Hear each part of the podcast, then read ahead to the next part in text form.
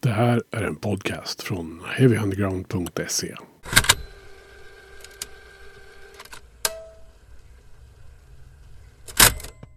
Du lyssnar på Heavy Undergrounds podcast. Jag som säger det heter Magnus Tannegren och det är kul att just du lyssnar. Och det är väldigt roligt att vi i det här avsnittet kan berätta historien om eh, The Awesome Machine. Bandet är inte alls återförenat och har inga planer på att eh, göra det heller. Men eh, man har efter lite grävarbete i olika skivbolags arkiv lyckats återta rättigheterna till sin musik. Så nu håller man på att eh, lägga ut det på diverse strömmande plattformar och planerar även lite fysiska utgåvor och sådär.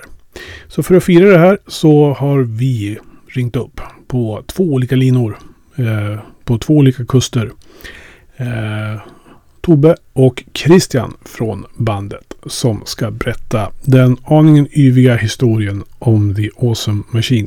Som ni kommer att märka då vi hoppar lite fram och tillbaka på tidslinjen här. Men, men hänger ni med till slutet så kommer ni att ha fått ungefär hela historien om bandet. Och som med det sagt så säger jag ha en trevlig lyssning på Heavy Undergrounds podcast och The Awesome Machine. Jag tänkte att vi gör väl det här som någon sorts tidslinje egentligen. Så ni får ju liksom gnugga lite minnesknölar här nu sådär. Och så, se vad ni kommer ihåg. Ja, det, det, det, är ju ändå, jag menar vad är det nu? Det är 15-16 år sedan vi, vi la ner det här bandet. Och, och ja, när startade du det Christian? Är det 96 eller vad är det? Ja, ja jag, jag kliade lite i mina sådana geniknölar. Fan, jag drog jag igång det här? Jag spelade med ett Göteborgsband som hette Full Jackets. Och det somnade väl av lite grann sådär eh, mitten av 96. För eh, medlemmarna i Jackets var bland annat två från eh, Troublemakers och en från Attentat. Och både Attentat och Troublemakers fick lite erbjudande med att göra lite gig då. Så det blev det att jackorna somnade av lite grann. Men jag och sångaren där, Jens, vi eh, hade upptäckt Kajus. Tror vi hade varit på skivhugget i Göteborg och hört Blues for the Red Sun. Mm. Uh, och, och trillade ju omkull där. Men, eh, och då startade vi ett litet projekt som hette Plankton. Och uh, det var jag, Jens på, jag på gitarr, Jens på sång och bas och Hasse som sen spelade trummor i Lotus. Och så Hasse kände en kille som hette Timo som egentligen var basist men han hade köpt lite gamla orglar på typ Smyrnakyrkan. Så han ville kliva in där. Timo spelar bas i Mr Brain tror jag de hette då. Idag är han väl en, en av basisterna i Uran, tror jag. Och eh, vi drog igång där, men eh, de fick ju sån jävla fart med Troublemakers och eh, attentat där, så det, det rann lite ut i sanden här. Men då hade jag hunnit connecta med en gammal eh, kompis som heter Stefan Magnusson. Och de behövde lite hjälp. Och det här är vi fortfarande i 96 här. Och de behövde lite hjälp de hade en gitarrist, men han var lite out of it av diverse substanser. Så de ville ha en, en som bara fanns med utifall att. Det blev jag. Men jag nyttjade då chansen att använda mig av trummor och gitarr i deras band. Och spela in lite låtar jag hade som hade blivit över från planktontiden. Som var ganska så mycket tyngre och mer manligt. Och där och då bestämde jag och Stefan, fan, vi ska göra musik tillsammans. Och eh, då började vi leta trummis. Och en del var bättre, en del var sämre. Och jag hade även trummisar som inte ens hördes när vi drog igång våran eh, bas i. Så de eh, flyttade fram trummorna liksom, så de stod framför oss. För att vi, och det var liksom helt absurt. Men vi visste att vi var någonting på spåren. Så fick vi ett eh, tips av Tony Jelenkovic i eh, Betong Transport League eh, om hans polare Peter. Eh, och vi klickade ju direkt. eh, som personer. Så här. Och eh, han kanske inte var någon bonna, men vi tänkte han växer nog i kläderna. Och eh, det gjorde han eh, en stund. Och vi hade fem, sex låtar som vi började mangla sönder som fan. Och så hade vi liksom... Hade Stefan ett gig med sitt band då på Magasinet i Göteborg. Förband till ett Boråsband som hette Stoneflow. De hade ju en för jävla cool sångare. Han kom ut där i... Eh, jag tror han hade typ sådana plastbyxor, bar överkropp och så hade han en stor jävla näsring. Och var helt vild. Och en grym pipa. Och vi tittade på honom och bara hmm, han kan nog vara något. Och vi hade ju gemensamma vänner som... Eh, jag fick eh, numret till honom och jag ringde. Och han bara ja. Och då, nu kan jag inte hämma Boråsdialekten för då hade han faktiskt fortfarande Boråsdialekt. uh, och... Uh, han kom ner och satte sig mitt i lokalen på en stol. Det var ungefär som att vi, hade, vi var audition för honom, inte tvärtom. Så han satt ju bara så här. Han var ganska krallig också, så det var liksom lite respektingivande. Han var inte ett ansiktsuttryck, helt blank. Och så kom han tillbaka någon vecka eller två och där hade han gjort sångelid. Det var liksom bara... Pang! Och så då säger han så, men det är en liten, liten sak som jag har på tapeten här. Jag ska åka till USA. Ja, vi har skeppat över våra motorcyklar, jag och ett par polare. Vi ska vara borta i ett par månader. Okej, okay. ja. Okay. Hur länge då? Ja, det vet vi inte. Så eh, han drar iväg, men in, in, innan han drar iväg så har vi spelat in demo ute i Kortedala hos en polare. Och eh, där får ju, när han är iväg i USA så får jag Peter bara, ah, men jag skickar in, in det till GP, Göteborgs-Postens, här på fredagar, eller om det var lördagar, jag kommer inte ihåg, så hade de en, en halvsida. Det var liksom om osignade band. De recenserar demos. Och helt så out of the blue så får vi eh, meddelande från Daniel Claesson som skötte den sidan. Att eh, nio månaders demo och så här kommer texten se ut när den kommer. Då pallrade jag iväg till GP-huset och blev plåtade och bla bla bla. Och det var liksom man... Han hyllar ju den som Beatles White Album. Och Metallica svarta och sådana superlativ som bara... Vad är kameran? Vad är... Men det här är ju liksom pre-internet, eller pre-mobiltelefon också. Så bara, vi måste få, Lasse måste få reda på detta, att det börjar bubbla lite här nu. Så eh, efter mycket om så fick vi tag i varandra och berättade detta. Han blev skitglad och sa att jag är faktiskt nästan på väg hem. Jag är hemma om ett par veckor. Och då la vi in en växel till och började repa som fan. För att vi var ju tvungna att göra gig på det här. Och då gjorde vi... Nu är vi nog eh, i 97. Mitten av 97 kanske. Mm. Och... Eh, spela på det som... Det hette Down Under det blev ju Sticky Fingers sen. Uh, och det var liksom så jävla mycket folk. För det var liksom... Den recensionen, det, folk pratade ju om den för den var ju liksom... Det var som om att det hade varit Beatles eller Metallica som hade släppt något. För liksom...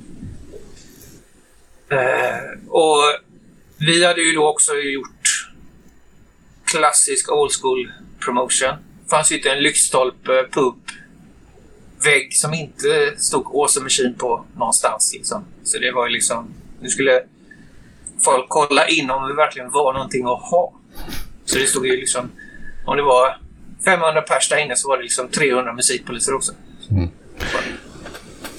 Var fick ni namnet ifrån? Uh, vi var på Kiss Reunion 96 på Skandinavien. Och säger... Vi hade liksom... Jag är ju sån jag gillar ju band som har the innan. Mm. Det, det tycker jag är fränt. Och så hade vi liksom spånat på... Machine var ett bra ord. Det liksom, musiken var ju liksom... Inte maskinell, men det var liksom en stor motor liksom. Men The Machine lät ju skithuntigt, det kan man ju inte heta. Så... Eh, men så är vi där på Kiss och så säger Gene Simmons Uh, Gothenburg audience, you are always awesome. Då tittar Stefan på honom. Du är awesome machine. Pang! Tack ska du ha, Gene Simmons. Du kommer inte få några royalties för detta. Men jag tänkte, du nämnde ju Kaius förut. Mm. Eh, det här alltså med stoner rock och den typen av musik. Liksom, vad, är det som, vad var det som gjorde att ni ville spela sånt? Vad är, vad är det i den musiken liksom? Jag vet inte om du ska ta, ta det först Tobbe, eller ska jag ta det? Nej, alltså, det är som du sa där eh, när du var på skivhugget första gången och, och eh, fick höra Blues for the Red Sun. I, i, man, man, kunde ju på den tiden lyssna på CD-skivorna som man skulle köpa eh, bakom en disk. Då. Och jag, det roliga är att jag hade ju exakt samma upplevelse med just precis den skivan när den hade kommit ut. Och, och när första låten Thumb kickade igång där med det här tunga suggestiva shuffle-riffet man hade ju aldrig hört något liknande. Det var ju liksom, jag menar visst Black Sabbath, men det här var ju gånger tio. Va? Det var ju så nedstämt och det var så tungt och det var så fett. Så jag, jag kände bara att det här, det här vill jag lira. Liksom. Det här passar min trumstil. Det passar liksom det jag gillar och allting. Det hade 70-talet men ändå så kändes det fräscht och lite modernt. Sådär? Mm. Så, så det, det, var liksom min... Eh, men jag hade ju ett, ett band som lirade renodlad 70-talsrock Eh, Eh, det var inte alls på den nivån. Liksom. Eh, vi var bra, men, men eh, det här var ju något annat.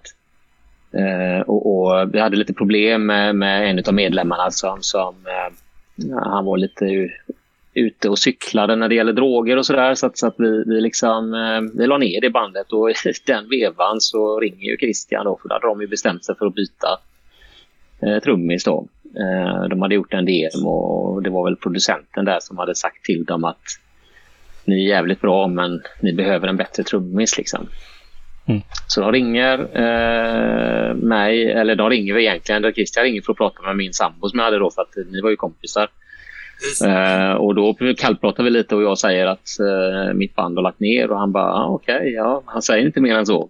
Uh, och så kommer de till en spelning vi hade sen och titta på oss. Det var sista spelningen vi gjorde med det bandet. Då står han vid sidan och spanar på mig liksom hela gigget. Jag tänker, vad är det här för tjomme som står där och tittar? Du ska stå framför och kolla liksom. Men då var det ju därför. De stod ju och synade mig. Eh, och på den, på den vägen blev det liksom. Och när jag fick höra den demon de hade gjort så kände jag bara att ja, men det här är ju precis det jag är ute efter. Liksom. Det var, jag hade ju hela det här goa Kaius-mullret och alltså den fussgitarren. Ja, det var nästan värre än Kaius. Liksom. Jag har aldrig hört ett sånt gitarrljud innan. Det var helt sjukt. Mm. Trick, tricket är att spela in den trasiga högtalaren. Jag tror Josh ja. kan hålla med, hålla med om det. ja.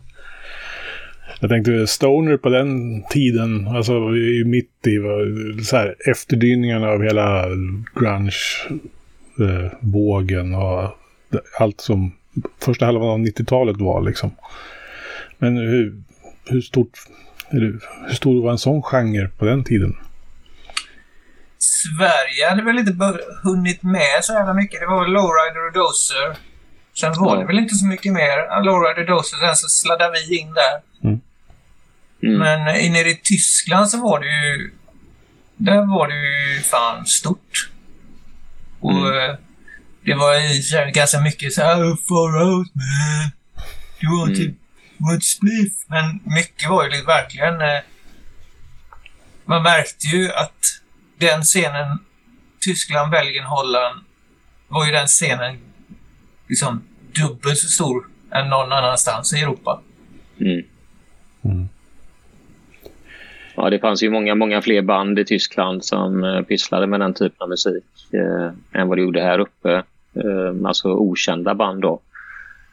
Vi kände ju i princip bara till uh, Arcaius givetvis men sen var det ju Monster Magnet och Corrosion of Conformity och, och den typen av band liksom. Mm. Men sen exploderade ju den här scenen. Det var ju liksom, det var en jävla rolig tid för det var ju verkligen en, en en ny, även om den var liksom inspirerad av 70-tal eh, och även grunge och sådana saker, så var det ju en ny musikstil som växte fram och det, det gick så otroligt fort alltså. Mm. På ett par år så fanns det så många band och skivbolag som ville ge ut den här musiken. Och det var riktigt kul var det. Mm. Men eh, i historieberättandet här, vi var ju då, om vi hoppar liksom, nu har Tobbe kommit med i bandet och liksom demon kom ut. Har jag uppfattat tidslinjen riktigt rätt här nu? Ja, eh, vi gjorde den första demon som blev månadens demo och gjorde första giggen. Men vi började ju känna då att han hade ju inte kommit in i kläderna då, den gamle gode Peter. Och så gör vi en demo till, för vi hade ju skrivit ganska mycket låtar. Eller jag hade skrivit ganska mycket låtar som jag hade eller arrat ihop då under tiden Lasse var borta i USA. Och så bokade vi tid med Roberto Lagi, demonproducenten. Och så...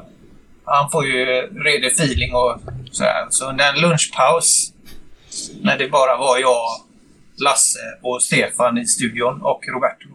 Så säger han så här att eh, Fan, ska ni kunna ta det här på pinnhål till så måste ni ha en redig trummis. Han hade ju skjut, tyvärr skjutit sig i foten lite på gånger så här, så Då började vi liksom titta och när Tobbe då...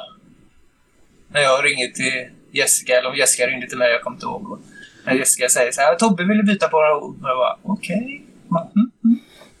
Och vi var lite, det var lite så politiskt korrekt, men eh, i, i krig och kärlek och i musik så får man ta beslut som inte är så rosa och fluffiga ibland. Nej. Så vi, vi bestämde, vi träffades och det, det blev kärlek med en gång mellan oss fyra. Och eh, vi började ju jamma och känna på varandra. Och så, alla fyra kände det här, nu är vi, det är vi fyra. Men vi hade ju två gig bokade. Men vi bestämde, okej, okay, vi, vi gör de två och sen så tar jag på mig bödelrollen och ta det med Peter. Och det var två gig på samma dag. Ett på Musikens hus i Göteborg och ett på Trädgården i Borås. Vi spelade tidigt på Musikens hus och sa tack och hej. Så det var liksom en minifestival. Vi var det osignade bandet och så var det två etablerade band. Och så sätter vi plattan i botten och kör till Borås och gör ett gig. Då var det nog med Transport League. Och eh, två asbra gig. Det var skitroligt. Och så vaknar upp i Borås på lördagen. Alla är lite så här... Ah, lite jobbigt är det nu, men det var jävligt roligt igår. Och så kommer hem och så på söndagen så hade vi sagt då att jag skulle ringa och ta tag i det här. Och, och jag vaknar ju eh, av att eh, Göteborgs-Posten, morgontidningen, dimper ner i brevlådan. Min dåvarande tjej går ner och hämtar tidningen. Och jag hör att hon skriker till och så bara, jaha, vad är det nu liksom? Och då är det ju, om recensionen i, eh, på, på första demon var bra så var ju det ingenting jämfört med den här live-recensionen. Det står liksom i, i stora svarta bokstäver. Demobandet kör över de etablerade. Och det var ju så bara, samtidigt som man blev hur glad som helst, så bara, fan. bara, hoppas inte han har läst tidningen. Så jag, jag ringer honom. Bara, det var bara att ta kylversionen. Jag ringer upp och så svarar hans sambo. Bara, har du läst tidningen? Ja. ja. Fan vad roligt. Men har du Peter hemma? Ja. Och han kommer och är liksom hur glad som helst. Precis som han själv var, men man fick ju liksom bara... Nej, varför just nu? Eh, nu är det en gång man har känt så. Och så bara, oh, nu är det som så att vi andra tre har bestämt att du får respass. Och så är det med det. Hej då. Ja. Det går ju liksom inte att göra slut på ett bra sätt nå, oavsett sätt. Nej. Men då la vi in en överväxel och nu är vi väl inne i början av 98. Vi hade väl inte varit... Vi hade inte spelat så länge ihop när vi bestämde att vi skulle göra 10 va? Nej, alltså grejen var ju att replokaler är ju alltid ett, ett eh, problem eh, i alla städer egentligen. Och jag satt ju på en väldigt fin replokal i Göteborg på 45 kvadrat helt själv. Eh, kan vara där när man vill och så vidare. Och ville ju helst inte lämna den. Så när, när vi bestämde oss för liksom att vi skulle spela ihop så, så, så sa jag att jag, jag tycker ni ska flytta hit. Och vi diskuterade lite fram och tillbaka. Ni hade ju någon replokal någonstans, jag kommer inte ihåg var det var. Det är ungefär där du bor nu faktiskt. Ja, det var... I, i La, Lana i Mölndal. Ja. Och... Eh, men det, det slutar med att ja, men vi kommer och eh, jag är i lo lokalen och väntar och det kommer in eh, en högtalare och det kommer en högtalare till och sen kommer det en högtalare till och sen så tänker jag vad helvete vad grejer de har och sen kommer det eh, hur mycket posters som helst och Christian börjar liksom, så här kan det inte se ut. Han börjar sätta upp posters i lokalen och liksom, jag bara sitter där och bara, fan vad mysigt det här blir liksom. Det blir ju riktig replokal av det. Härligt. Och, och sen när vi kopplat upp grejerna då, det var ju liksom, eh, jag hade aldrig sett så mycket högtalare och grejer liksom och stärkare. Och så kör vi igång då det soundet som vi fick till där inne. Eh, det var som man trillade av trumpallen alltså. Det var helt makalöst. Jag kommer ihåg leendena på, på både dig Christian och, och dåvarande basisten Stefan efter vi hade kört, om det var God Evil, första låten liksom. Och det var liksom bara leende från öra till öra så här va. Det lät så fett. Man tänkte bara mm, vi har något här. och en, en, viktig, viktig ingrediens i, i det soundet och just också hur vi kunde forma vårt sound var ju att den här lokalen som Tobbe satt på. Det är en vanlig jävla bunker i Frölunda. Men den mm. låter hur bra som helst. Oavsett mm. band. Mm. Vi har ju haft polare som har repat där som bara... De, de har aldrig låtit så bra som de gör i den lokalen. För lokalen i sig låter bra. Ja, den, har mojo, den har mojo. Det är därför du har kvar den fortfarande. Ja, precis. Jag, jag vägrar släppa den. Så länge jag musicerar. Men eh, nej, så att vi, vi eh, repade ju hårt. Vi hade ju ett par gig eh, eh innan vi gjorde 10-tumman. Eh, Brottarskivan som den går under. Brottarskivan, ja precis. Och den är ju helt självproducerad eh, av oss. Vi hade ju liksom inget skivkontrakt eller någonting. Eh, men du ärvde ju lite pengar där Christian ja. eh, av någon avlägsen släkting och bestämde, oss, eller bestämde dig för att finansiera hela den här produktionen. Så vi tog kontakt med Robban igen då som hade producerat första demon. Och eh, jag hade aldrig, jo, jag hade spelat in en demo tidigare med, med, med honom så jag kände honom lite grann gjorde jag. Eh, och, och, alltså han är ju uh, urskön producent. Han visste precis hur vi skulle låta och, och vad vi ville ha och så vidare. Va? Så att, uh, vi hade fem låtar va, när vi gick in. Ja. Uh, tror jag. Uh, Nej, fyra, fyra hade vi, men så tyckte ja. Stefan, basisten, att vi ska, nog, vi ska nog göra en Elvis-låt, för han var inne i en Elvis-period, basisten. Just det. Och så bara, aha. Ja, vad tror du? Vi var hemma hos Stefan i Landala och drack lite bärs. Men vad, vad, tror du om Burning Love? Jag sa, hanka, hanka, Burning Love. Bara, Hur fan ska vi göra den? Men så med bara hänga på sprullarna i replokalen så kom ju soundet av sig självt. Det var liksom... Jag, jag Tobbe och Stefan rent, vad heter det? Vi läste varandra så väl så om, om jag börjar på någonting så hakar de andra på lika som om mm. jag hade sagt det. Vad heter det? Eh, inuti... Nej, vad fan heter det? Intervjutyp. Ja, det var nästan te telepatiskt ja. mellan oss eh, när, när, vi spelade den. Och den, den repade vi ju inte speciellt mycket. Och, och, och, när vi spelade in den så var ju det den som var eh, ja, minst arrangerad om man säger så och mest improviserad i studion. Och idag kan jag väl tycka att den är liksom den som har mest nerv på hela 10-tumman egentligen. Den blev eh, riktigt, eh, riktigt bra faktiskt. Mm. Det är ju det, den har nerv för vi har inte en jävla susning om vi gör. Vi står bara och tittar på varandra. Bara, ja, vi går mm. hit nu. Ja, hela den är ju inspelad live faktiskt med oss i samma rum. Eh, alltså instrument, instrumenten då. Mm. Så att det, och inget clicktrack eller någonting. Så att det var högt och ljudligt inne i studion där. Precis som vi var vana vid i replokalen. Så att, och det var också så, det var så högt och de här lågfrekventa ljuden gjorde ju så att ja, glödlamporna skruvade ut sig själva.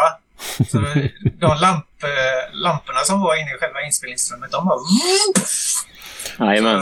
Robban vad är det för jävla satanist jag har varit inne i?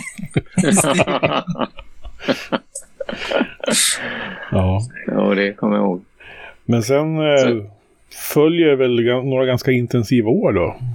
Eller? Ja, mycket gig och mycket låtskriveri, mycket studio. Mm.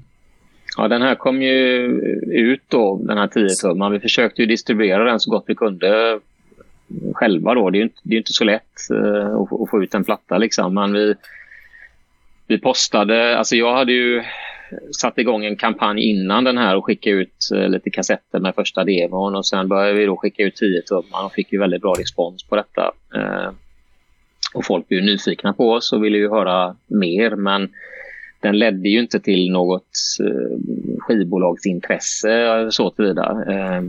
Så, så att vi bestämde oss ju ganska snabbt på ett halvår senare kanske att göra en, en, en demo, en, en skivbolagsjaga-demo liksom. Mm. Med mera. Eh, för vi hade ju låtarna bara spruta ut ju liksom. Eh, så vi gick in i en liten demostudio uppe i Kortedala här utanför Göteborg och spelade in, eh, om det var sju eller åtta låtar, jag kommer inte ihåg exakt på kassettband var det på den tiden. Alltså Portastudio var ju kassett. Eh, mm. Och fick till ett, ett sound som jag fortfarande inte än idag vet riktigt hur det gick till. Eh, jag vet bara att, att vi stämde ner allt, inklusive trummorna, så långt det gick utan att det skulle sladdra för mycket för att vi ville ha det här feta, tunga ljudet. Och det gick hem. Eh, när den här var klar, jag skickade ju kassetter ja, land och rike runt över hela världen skickade de här kassetterna. Och vi fick recension på recension. Varje gång jag kom till replokalen så hade jag med mig nya. Jag printade ut liksom, hade med mig nya recensioner som jag satt och hade högläsning för alla i bandet. Det var liksom så här sagostund eh, kring fikabordet innan man satte igång och repa då. Uh, och det var det ena med det andra var bara superlativ. Uh, och till slut så var det då ett skivbolag som, som hörde av sig och hade fått tag i den här. Jag hade inte skickat den utan de hade hittat den via någon annan på något sätt. Men han fick kontakt med oss. Eh, och då var det liksom bara, wow, ett skivbolag. Nu släpper det liksom. Nu har vi det. Eh, så vi började diskutera fram och tillbaka och han ville ju eh, skriva en deal på, på tre plattor med oss. Eh, worldwide distribution och på vinyl och CD och hela kittet liksom lät ju hur bra som helst. Det var ju bara namnet som man kände, är det här ett seriöst bolag? De hette ju I used to fuck people like you in prison. eh, jag har aldrig hört talas om det innan. Liksom. Men vi kollade upp dem och, och, de hade släppt lite så här plattor med olika punkband och det såg ut som att det var ändå seriöst. Liksom. Eh, och jag fick ju snackat med han skivbolagskillen där en hel del. Och, så att eh, vi körde på, skrev på där. Och, eh, ja, vi vilade ju inte på hanen. Vi gick ju in i studion redan eh, december 99. Det här, jag tror vi skrev kontraktet i eh, vad kan det varit, september, oktober någonting. Ja. Och uh, gick in i studion i december hos uh, Anders Allhager då, som uh, Andy LaRock, gitarrist i King Diamond. Han hade ju en studio här i, mm. i Göteborg som heter Los Angered Recordings. Uh, och anledningen till att vi valde honom var för att vi ville ju ha Robban igen egentligen, men han var upptagen tyvärr kunde inte ta oss.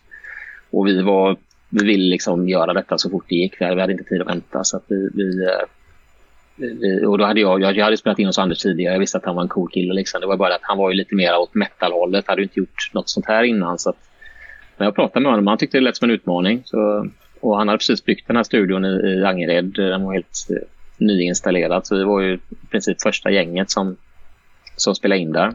Så han såg oss lite som försökskaniner kan jag tänka mig. Mm. Uh, och det var ju uh, också en match made in heaven. Skitgod kille och han är ju till och med med och gästar på, på uh, ett par låtar där på den plattan. Och han spelar slide, slide-gitarr. Det är inte det man förknippar honom med, men jävlar i vad han spelar. Jösses. Ja, makalöst. Mm. Så att... Uh, och Paul, polsk och, whisky. Ja, mycket polsk kamelwhisky som vi kallar det. ja. Um, men sen rullar det på då. Alltså, nej.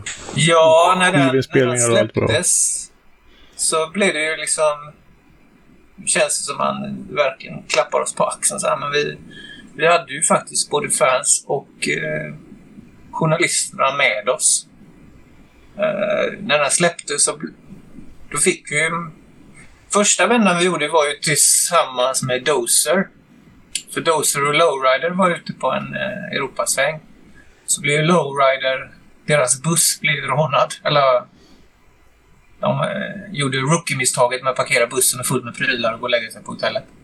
Mm. Bara, Åh, en utlandsregistrerad buss med musikprylar. Det var ju gött att tjackpundarna bara... Så de fick ju vända hem och så då kom ju vi. Då åkte vi ner till Löven i Belgien. Så vi gjorde två eller tre gig. Det var den första när vi doppade tårna i Europa. Och, jag kan ju bara eh, nämna in, innan det Christian där att, att eh, jag hade ju spelat med en kompis som, ett, eh, som heter PJ. Han har jobbat med eh, Motorhead, han har jobbat med Electric Boys, eh, lite olika band sådär, eh, tidigare som, som tekniker. Han är duktig på branschen och så vidare. Och jag kände att vi behöver ju någon här som kan eh, lyfta oss att ta det här steget att vara en typ manager. Eh, vi hade nog själva med att skriva musik och, och, och lira live. Liksom. Eh, så han tog sig an det här med hull och hår, tyckte det lät skitkul. Liksom. Så, så att han, han, hjälpte oss ju väldigt mycket med uh, artwork, eh, bokningar, kontakter med skivbolag, uh, hela den biten. Uh, och jag kommer ihåg innan första turnén där så gjorde vi ju någon, någon grej. Det var nere på trädgården. Jag kommer inte ihåg om det var ett julbord eller vad det var. Han hade lyckats lobba in oss och vi fick ett bord i foajén där vi stod och delade ut flyers. Just det, det som vi hade Vi hade suttit och skurit flyers själva. Han, han tryckte upp dem. Han jobbade då med tryckeri och så vidare. Mm. Så vi hade tryckt upp dem och skar dem. Åkte ner, ställer oss där. Så att alla som kom in fick en foyer. Och jag tror vi även hade printat lite kassetter eller tryckt ut. Liksom, så att de, de viktiga då fick en kassett och sådär. Bara för att liksom skapa en, en, eh, ett intresse, en, en liten hype i stan. Sådär. Eh, Christian hade ju redan satt upp klistermärken på varenda lyktstolpe. Så att, eh, folk hade ju sett det här Awesome Machine och det liksom låg i bakhuvudet. Man visste liksom vad, vad är detta egentligen? Det, det är någonting som ligger och loppar här i stan. Vi mm. måste ta reda på mer. Mm. uh, ganska smart. Och det finns faktiskt fortfarande ett par ställen i Göteborg som jag vet där det är väldigt uh, vindpinat men det sitter fortfarande kvar. Det var ju sånt, sånt klistermärke som inte gick att ta bort också. Nej. Såklart. Mm. ett outplånligt intryck. Ja, precis. Ja. precis. Men så... Ja, det var ju första, när vi doppade tårna då var det ju med, eh, med doser nere i Löven. Mm. Mm. Och då, när vi ska åka från Löven till Kulm. Så när vi kör ut där på autobahn så kör ju Doser före med sin van så kommer vi efter. Och så är det en sån påfart nästa ja, nästa påfart. Och där sitter vi. Vi sitter ju och filmar. Bara för att det var ju spännande. Det var ju första gången vi var utanför Sverige och spelade. Och då filmar vi. Då ser vi ju liksom det här kommer kom den här affärsmannen med sin stora dyra Audi i full kareta. Och vi bara, men för fan, han kommer ju köra in i dem. Och mycket riktigt bara boink. Så det var vår första smak av eh, turné. Men jag antar under de här åren sen som följer, alltså måste ju liksom, vad är, vad är era bästa minnen? Vad tar ni med er från allt som ni har gjort? Uh, recensionen alltså, är Kirang. Och ja. Bland annat när vi spelade i London. Be, be, bästa minnena är ju från våra livespelningar, alltså våra turnéer. Framförallt den turnén eh, som vi började där i London och, och gjorde med Mushroom River Band och eh, Pawn Shop eh, som varade i nästan en månad i Nightliner i Europa. Den, det hände så otroligt mycket och det var, det var bra uppslutning, det var mycket folk på giggen eh, och vi hade otroligt roligt. Liksom. Det, det är ju ett av höjdpunkterna i, i, eh, i karriären. Men Sen är det ju också liksom det här skapandet, alltså den här kemin som fanns mellan oss eh, var ganska unik. Eller ja, det är unikt, det finns säkert de som, som upplever detsamma. Men vi hade, så, lite som du var inne på, det här tänket att vi, vi tänkte musik på samma sätt. Så många låtar skrev sig själva nästan. Eh, Christian kom med ett huvudriff och så började jag liksom på trummor och så kom basisten in och så kom sångaren in och så, så plötsligt så innan repet var slut så hade man en låt eller ett, en, en stomme till en låt. Och det har jag aldrig varit med om tidigare. De flesta band jag har lirat med har varit en lång process för att få en låt färdig eller åtminstone ett arrangemang som fungerar. Eh, det var, tycker jag, väldigt roligt att jobba på det sättet. Det var ju därför det var så roligt att repa med det här bandet. För att varje gång man kom hem så hade man en ny låt i bagaget nästan. Mm. Jag kom på att vi får backa lite här också. Vi har glömt av eh, basistbyte. det går så jävla Ja, just det. Ja. Eh, Basister, eh, är de viktiga? ja. ja, men det är som jag, jag och Tobbe gjorde en intervju för Håkan Persson på... Eh, vad hette Petri Rock. Petri Rock. Peter, Peter Rock. Sitter vi på ett hotellrum i Göteborg. Han var här nere och gjorde något annat. Så klämde han in oss. Då myntade jag så här. Gitarr är ju jävligt mesigt egentligen. Vem bryr sig om det? Trummor och bas. Det är grejer. Det, det körde han på trailern för det programmet hela dagen. Sen gick han på P3. Gitarr är ju ganska mesigt. Men eh, när vi hade släppt 10-tumman och gjort några gig där så kände ju Stefan som eh, jag bildade bandet med att tåget gick lite väl fort. Han hade väl fått ett lite annat livsfokus just då också. Han var en ganska sökande människa också. Så, så det var ju bara, jaha, du ska kliva av. Vad gör vi nu? Och då hade ju Tobbe spelat med Mr Ankan, Anders Winander. Så, och det var väl egentligen bara... Vi testade väl ingen annan? Nej. det var den första jag kom på och han klickade direkt. Han eh, sökte ju band eh, som tur var just då också. Hade lagt ner sitt nuvarande eller dåvarande band. Så att, eh, det var en, en lätt process om man säger så. Han, han klev i skorna och så fortsatte vi bara. Ja. Och han var ju med på tåget och jobbade lika hårt och intensivt. Han var ju också en, mm. en driven person precis som jag, som Tobbe och som Lasse. Liksom. Så det var ju, mm. det var liksom, det var inget konstigt. Det var ja, bara en, ett nytt skägg. Mm. Så det... Han spelar med plektrum då, eller stora skillnaden bara? Ja, just det. Mm. Så det... Och eh, det var ju det som var så gött också med att det var så enkelt. För det var så enkelt att jobba med ny musik då när vi började spela in Addio Nothing-skivan då när vi gjorde det med Anders Allhagen. Mm. Så, men vi var ju aldrig utanför Sveriges gränser med Stefan, originalbasisten. Nej. Nej. Så det... Jag tänker om vi hoppar fram sen till, var det 2006 som det tog stopp? Ja. Det var ju det. Jag kände ju att vi var ju de här, det här bandet som folk, andra band bara... Vi hade, det fanns ett jäkligt coolt halvillegal klubb, i en halvillegal klubb i Kortedala som hette Short Valley Bar.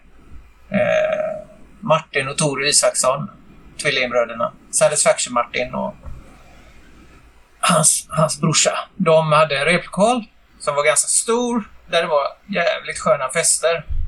Eh, allt från eh, Union Carbide till Soundtrack of Lives till Awesome Machine till eh, Spasm till, eh, ja, you name it. Alla, eh, både band från eh, Göteborgs, Göteborgstrakten och resten av Sverige har spelat där. Det är så klassiskt liksom. Man, man tar med sig sin egen alkohol. Men i alla fall, där gör vi, där gör vi Tobbes första gig. Var det va? Mm. Och äh, där äh, efteråt, efter giget så står jag och pissar på toaletten. Och då står Ralf Gyllenhammar bredvid mig och skriker i hans mobiltelefon. Ja, då ringer han Hannes, gitarristen i Mustasch bara. Jag vet hur vi ska göra! Jag har hört det! Jag har konceptet! Så blev det med det. Men... Eh, mm. Skulle jag säga med det. Tappade jag tråden. Ja, vi är vid 2006 äh, tänkte jag. det tar stopp. Uh, uh, jo, just att... Uh, Ja, det var väl egentligen alltså 2006. Man, man säger, vi hade ju uh, tappat kontraktet med People Like You. Ja, vi, vi hade gjort de här vi hade gjort de här tre skivorna. Uh, Ugly or Nothing, Under the Influence och Soul of a thousand years. Uh, och vi, vi, vi, kände väl att vi, vi behöver nå ut. De hade inte riktigt musklerna för att pusha ett band dit vi kände att vi ville. Det var ett schysst, en schysst underground-label, men inte mer än så. Uh, och vi hade ju bytt sångare till John som gjorde att bandet lyfte ytterligare ett knäpp. Uh, en av Sveriges bästa sångare i mitt tycke. Fantastisk. Och vi fick ju kontakt med Robban Lagi igen och han hade börjat samarbeta med Bohus Sound här ute i Göteborg. En gammal legendarisk studio som både ABBA och Status Quo har varit i. Och tyckte liksom att kom hit, vi har eh, ett projekt på gång. Eh, vi håller på att starta en label här, Mustasch är med och eventuellt kanske ni också kan haka på. Vi åker ut, har ett möte och eh, känner att det här, det här låter spännande. Deras koncept var att spela in ett gäng låtar på bästa möjliga sätt och sen lobba in det då till, till större lablar helt enkelt. Shoppa ut det. Så vi spelar in tre låtar, fullfjädrad produktion hela vägen från början till slut. Lät så jäkla bra. Eh, och precis när de ska börja shoppa ut det här så hoppar den killen av projektet som skulle vara säljpersonen, han som hade kontaktnätverket egentligen. Och kvar sitter då eh, Tobbe Lindell, Robban Lagi och Dragan. Och ingen av dem är några säljare. De är jätteduktiga på det de gör, men, men de är inga säljare. Så ansvaret på, på liksom att få ut det här hamnade lite grann i vårat knä på något konstigt sätt. Och det var ju inte liksom... Visst, vi hade lite kontakter, men det var inte på den nivån. Vi gjorde ju detta för att de hade kontakterna, inte för att vi skulle lobba det till våra kontakter. Så det liksom blev ingenting av det här. Eh, det rann liksom ut i sanden, tyvärr. Eh, och det var väl lite så att, att luften gick ur där på något sätt. Man eh, hade satsat så mycket på detta och när det inte blev av. Eh, så, så man, man liksom, det var svårt att komma vidare. Och då, kände ju, då hade ju Christian börjat med sitt soloprojekt och um, han kände att ja, du ville satsa på det och så vidare. Ja, nu kom jag på varför jag tapp, vart jag tappade tråden där också. Det var också för att man kände liksom att man blev omkörd av andra band som mm. råkade ha lite bättre kontakter bara. Mm. De hade bättre kort på handen. Och så just där när när det här Ja, men då ska ni sälja in det. Men herregud, vi har ju inte det. Vi kom till er för att göra detta. Mm. Då var det ju så här, luften gick ju ur. Då kände man bara, åh!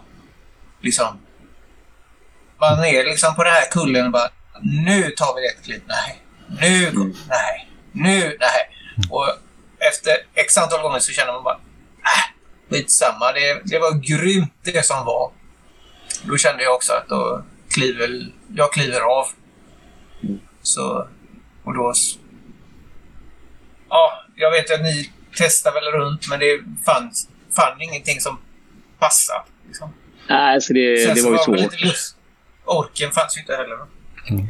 Nej, alltså vi, vi, vi, gjorde ett försök gjorde vi att, att hitta en, en ersättare till dig, men, men eh, det, det, John hade ju sitt band Mother Mystery och, och eh, ja, det, det liksom, vi hade ju startat ett band som hette On Parole eh, som, som det gick ganska bra för, som var lite mer eh, vad ska man säga, action rock band så. Eh, så att jag kände väl inte att det var någon större förlust heller så sett att, att lägga ner det. Man hade ju saker att göra. Va?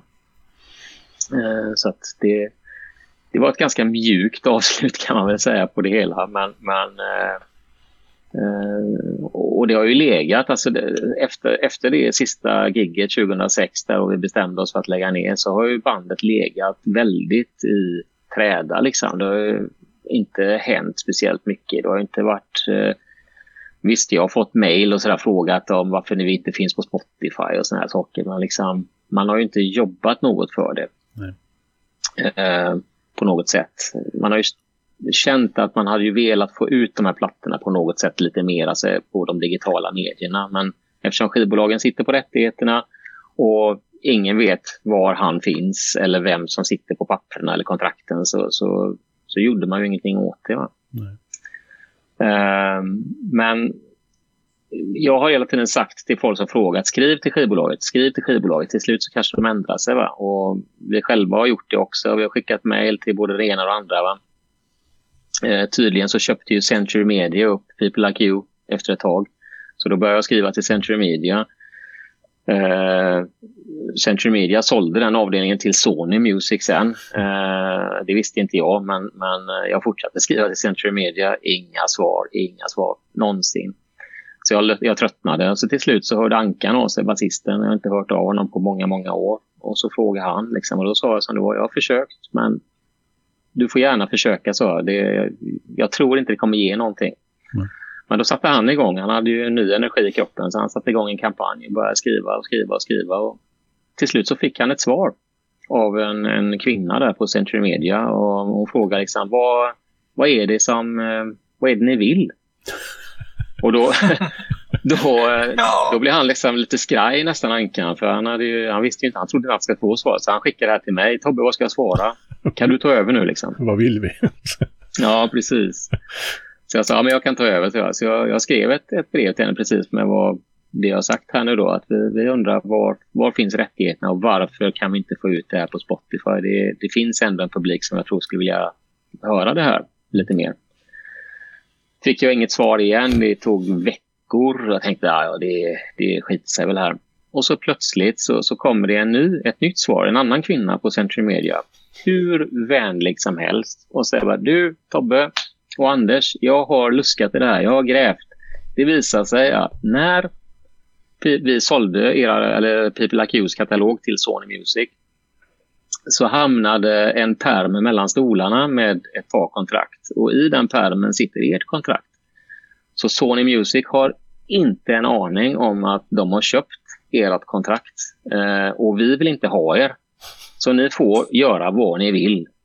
Be my guest. Ni kan släppa det på vinyl, ni kan släppa det på Spotify. Ni får göra vad ni Ni får allt rubbet tillbaka. Liksom. Mm. Och det, jag, jag var tvungen att nypa med armen och läsa det ett par gånger för att jag, jag trodde inte det var sant. Vet du. Det är första gången man blir glad när någon säger vi vill inte ha er. Nej. Precis. När var det här Så ungefär i tid då? Ja, det här är nu, eh, det är inte mer än, eh, ja, det är väl i somras eller i våras ja. eh, någon gång. Ja.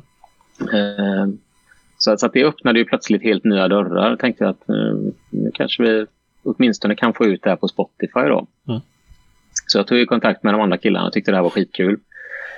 Eh, och eh, i samma veva så, så, var det ju det här bolaget Osium Records. Eh, så, som eh, hörde av sig. Och det här var faktiskt innan vi fick tillbaka rättigheterna. Han hörde av sig att, och, och frågade har ni något vi kan släppa åt er? För han gillar oss eh, som fan. Eh, och jag sa vi har ju en del material, alltså osläppta demos och så vidare eh, som är ganska bra som, eh, som skulle kunna funka. Så jag skickade det till honom och han gick igång på alla fyra och ville ge ut det här på vinyl och det var ju jättekul liksom. Eh, så, så, samtidigt då som vi får tillbaka rättigheterna så har vi alltså en ny skiva på gång dessutom då med det här bandet som har legat i träda i 16 år liksom, mm. med outgivet material. Uh, så, så det, och, utan att ens ha återförenats. uh, så, så, att, ja, det, det, det, känns jättekul nu att, att det liksom börjar rulla lite grann igen. Att liksom få ut det här. För det är ändå, tycker jag själv, faktiskt ganska bra skivor. Liksom. Mm. Ja, det är ju jättekul att det, att det händer liksom helt plötsligt. Ja. Eh, du sa ju det att ni inte hade återförenats. Och det är väl en sån där fråga som folk naturligt ställer när det börjar hända grejer med ett band helt plötsligt. Eller musiken med ett band. Eh, men det har jag förstått att det inte är aktuellt. Men Nej. regelrätt liksom, återförening så. Det är inget vi har pratat om i varje fall. Mm. Vi har haft en återträff eh, allihop här i somras. Eh, första gången sen vi splittrades faktiskt, som vi är i samma rum. Men det, det var aldrig något snack om eh, en återförening utan det här handlar mer om att få ut materialet så, som vi har gjort och, och liksom nå en större publik och så vidare. Mm. Eh, problemet vi har är ju att, att förutom att vi är äldre och blivit gubbar allihop så, så, så bor vi på olika platser. Eh, man har olika prioriteringar i livet eh, och så vidare. Vi, vi kan inte liksom lägga tre dagar i veckan på att ställa oss i replokalen så som vi gjorde förr. Eh, så att... Eh, vilket, vilket hade krävt, för Tobbe då har grävt i Awesome Machines arkiv där det finns liksom videos högt och lågt. Och, som han har delat till oss andra fyra då. Och när man ser dem så tänker man bara det finns ju inte en chans i helvete att man ska få tillbaka den staminan och vara så bra som vi var då runt 2005-2006. Även om man kanske rent musikaliskt är bättre ja, som instrumentalist och så idag. Men för det är liksom... För att kunna komma till vad vi var då, eller toppa det, då får man ju fan... Får man ju ha, eh, vet du, någon sån supercoach och lägga ett helt år på det. Ja. Och det kan ju inte. Ja, jag skulle säga det att det, det är nog ett år i, i replokalen som krävs för att nå den, eh, den nivån eh, i så fall. Eh, så att, men, men man ska ju aldrig säga aldrig, har jag lärt mig. Jag hade tyckt det hade varit roligt att göra någonting tillsammans. Om det så var att spela in bara en låt eller vad det nu kan vara någon gång man vet aldrig vad framtiden har i sitt sköte. Men, men som det ser ut idag så är det ju ingen Nej. återförening med turnéer och skivor och allt det här som, det, som vi gjorde då. Så att säga. Det, det är det inte. Nej, men på något sätt kan jag tycka att det känns lite befriande att ett band kan säga så också. Alltså att man inte... Man på något sätt hedrar, hedrar arvet, liksom, som du sa Christian, att vi, vi, har inte liksom, den energin så vi kan liksom... Man, man har inte den man har inte den staminan som krävs. Liksom. Nej, så att, har... mm. det blir svårt liksom det... att svara upp mot förväntningen då. Liksom. Ja, och ska man göra det så ska det vara ännu bättre. Och det är liksom, mm. Man vet ju också, som Tobbe sa där, liksom, ja, det är säkerligen ett år och då har man liksom hunnit ledsna innan man gör första giget. Mm. Liksom, ska jag och John fräsa upp till västkusten tre dagar i veckan? Jag tror inte våra fruar tyckte det var så jäkla roligt. Liksom. Nej. Och, eh, och sen åsidosätta allt vad man själv gör. Liksom. Mm. Med livet och musik och whatever. Så det, så det, jag tycker det är liksom... Jag, jag har fått frågan här nere i Kalmar också. Där folk frågar men ska ni inte återförenas nu då? Ja, men det, nu har ju faktiskt ABBA återförenats. Så nu, nu, eh, nu får vi sälja oss på Beatles sida så det blir jämvikt. Liksom, att det är vi Beatles. Mm. Mm. De har ju aldrig återförenats. Nej. Men samtidigt lever ju The Awesome Machine vidare då, eftersom nu Precis. har liksom fått ut musiken igen och liksom ja. fått den aktuell mm. och vi sitter här och pratar om bandet liksom. Och sådär. Mm. kan göra så som Kiss tänker. De kan skicka in fyra unga hungriga jävlar som, som ser, ut som, ser ut som oss då, som gör det vi gjorde då, nu. Mm. Det skulle ju vara en snygg återkoppling till bandnamnet där, hur ni fick tag på det. Ja, precis. Mm. Mm. Precis. nej, men det, det är ju skitroligt på alla sätt att det, att det börjar bubbla liksom. Mm. På alla möjliga håll. Och det är liksom... Det är som innan eh, vi träffades i somras. Och vi träffades hemma hos Tobbe och drack lite bärs och lyssnade på skivor, våra egna och andra favoriter. För Tobbe har ju en skivsamling som heter Roger mm. och en anläggning. Så anläggning, så det var man hörde saker på gamla skivor som man älskar som man, oh, oh, det har jag aldrig hört innan. Så det är liksom... Eh, bara det var ju värt liksom att inte träffats på 16 år. Liksom, mm. Den glädjen när vi träffades, just, det var ju liksom ingen... Det var ingen dålig vibb när vi la av. Liksom. Det var bara att det fejdade ut och så var det bra med det. Mm. Men när vi så har ju alla haft livet har sin gång och så när vi väl träffades i somras var det bara Yeah! Mm. Det var liksom, det var inte 16 år, det var igår jag träffade de här killarna sist liksom. Mm. Mm. Det, så det, det är väl en återförening god som någon? Det är väl den bästa. Man har liksom fortfarande sina tre bröder från andra mödrar. Mm. Liksom. Så det... Ja, verkligen. Nej, jag, jag, är jätteglad att, att eh, jag menar, du och jag Christian har ju haft lite kontakt genom åren men, men Ankan har ju i princip inte pratat med sen, sen han kom och hämtade sina grejer i replokalen. Eh, och, och eh, det som du säger, det var som att sett honom igår. Eh, ingen skillnad, liksom. var inte styltigt på något sätt. Och, och, eh, nu känns det som att nu kommer han ju upprätthålla den kontakten eh, allihop här. Och det, vi har ändå gått igenom jävligt mycket genom de här åren. Liksom, så att det, det känns eh, verkligen kul tycker jag. Mm. Och det är också, jag tycker det är ett otroligt bra kvitto att till exempel Osium ville släppa den här plattan med outgivet och att det rycks i, i bandet och som andra som vill släppa annat och så här. Så det är liksom... Det är ett kvitto på... Och just också när, eh, en, en kul sidogrej. Jag har varit ute och spelat med min grej som... Med mitt, under mitt eget namn i Europa ganska mycket. Och spelar i en stad som heter Laue som är en timme utanför Paris, men det är i eh, Belgien. Och då har de satt upp eh, på, på min affisch står det gitarristen från The Awesome Machine kommer och spelar. Och det är ju, vi snackar ju en liten pub. Man går in och backar ut storlek liksom. Mm. Och eh, då kommer det tre stycken hårdrockare med Awesome Machine-tröjor och posters och skivor och sitter och ser ner. Men det var också så jävla roligt. De har ju väntat sig...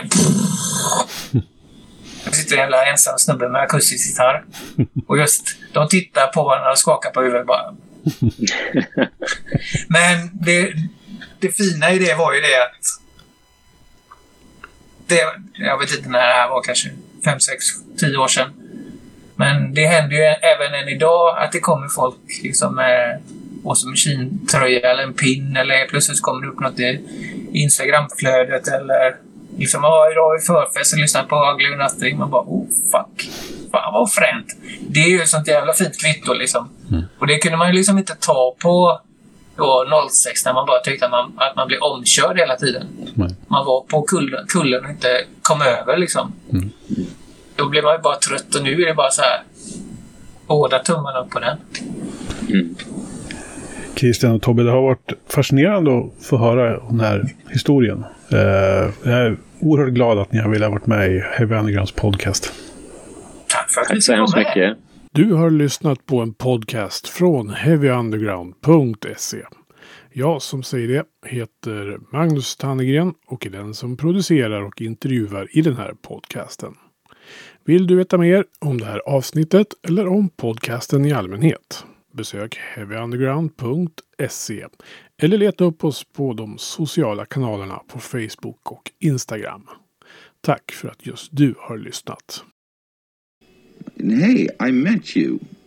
You are not cool. I know. Even when I thought I was, I knew I wasn't. Because we are uncool. I'm glad you were home. I'm always home. I'm uncool. Me too. You're doing great. Know, the only true currency in this bankrupt world is what you share with someone else when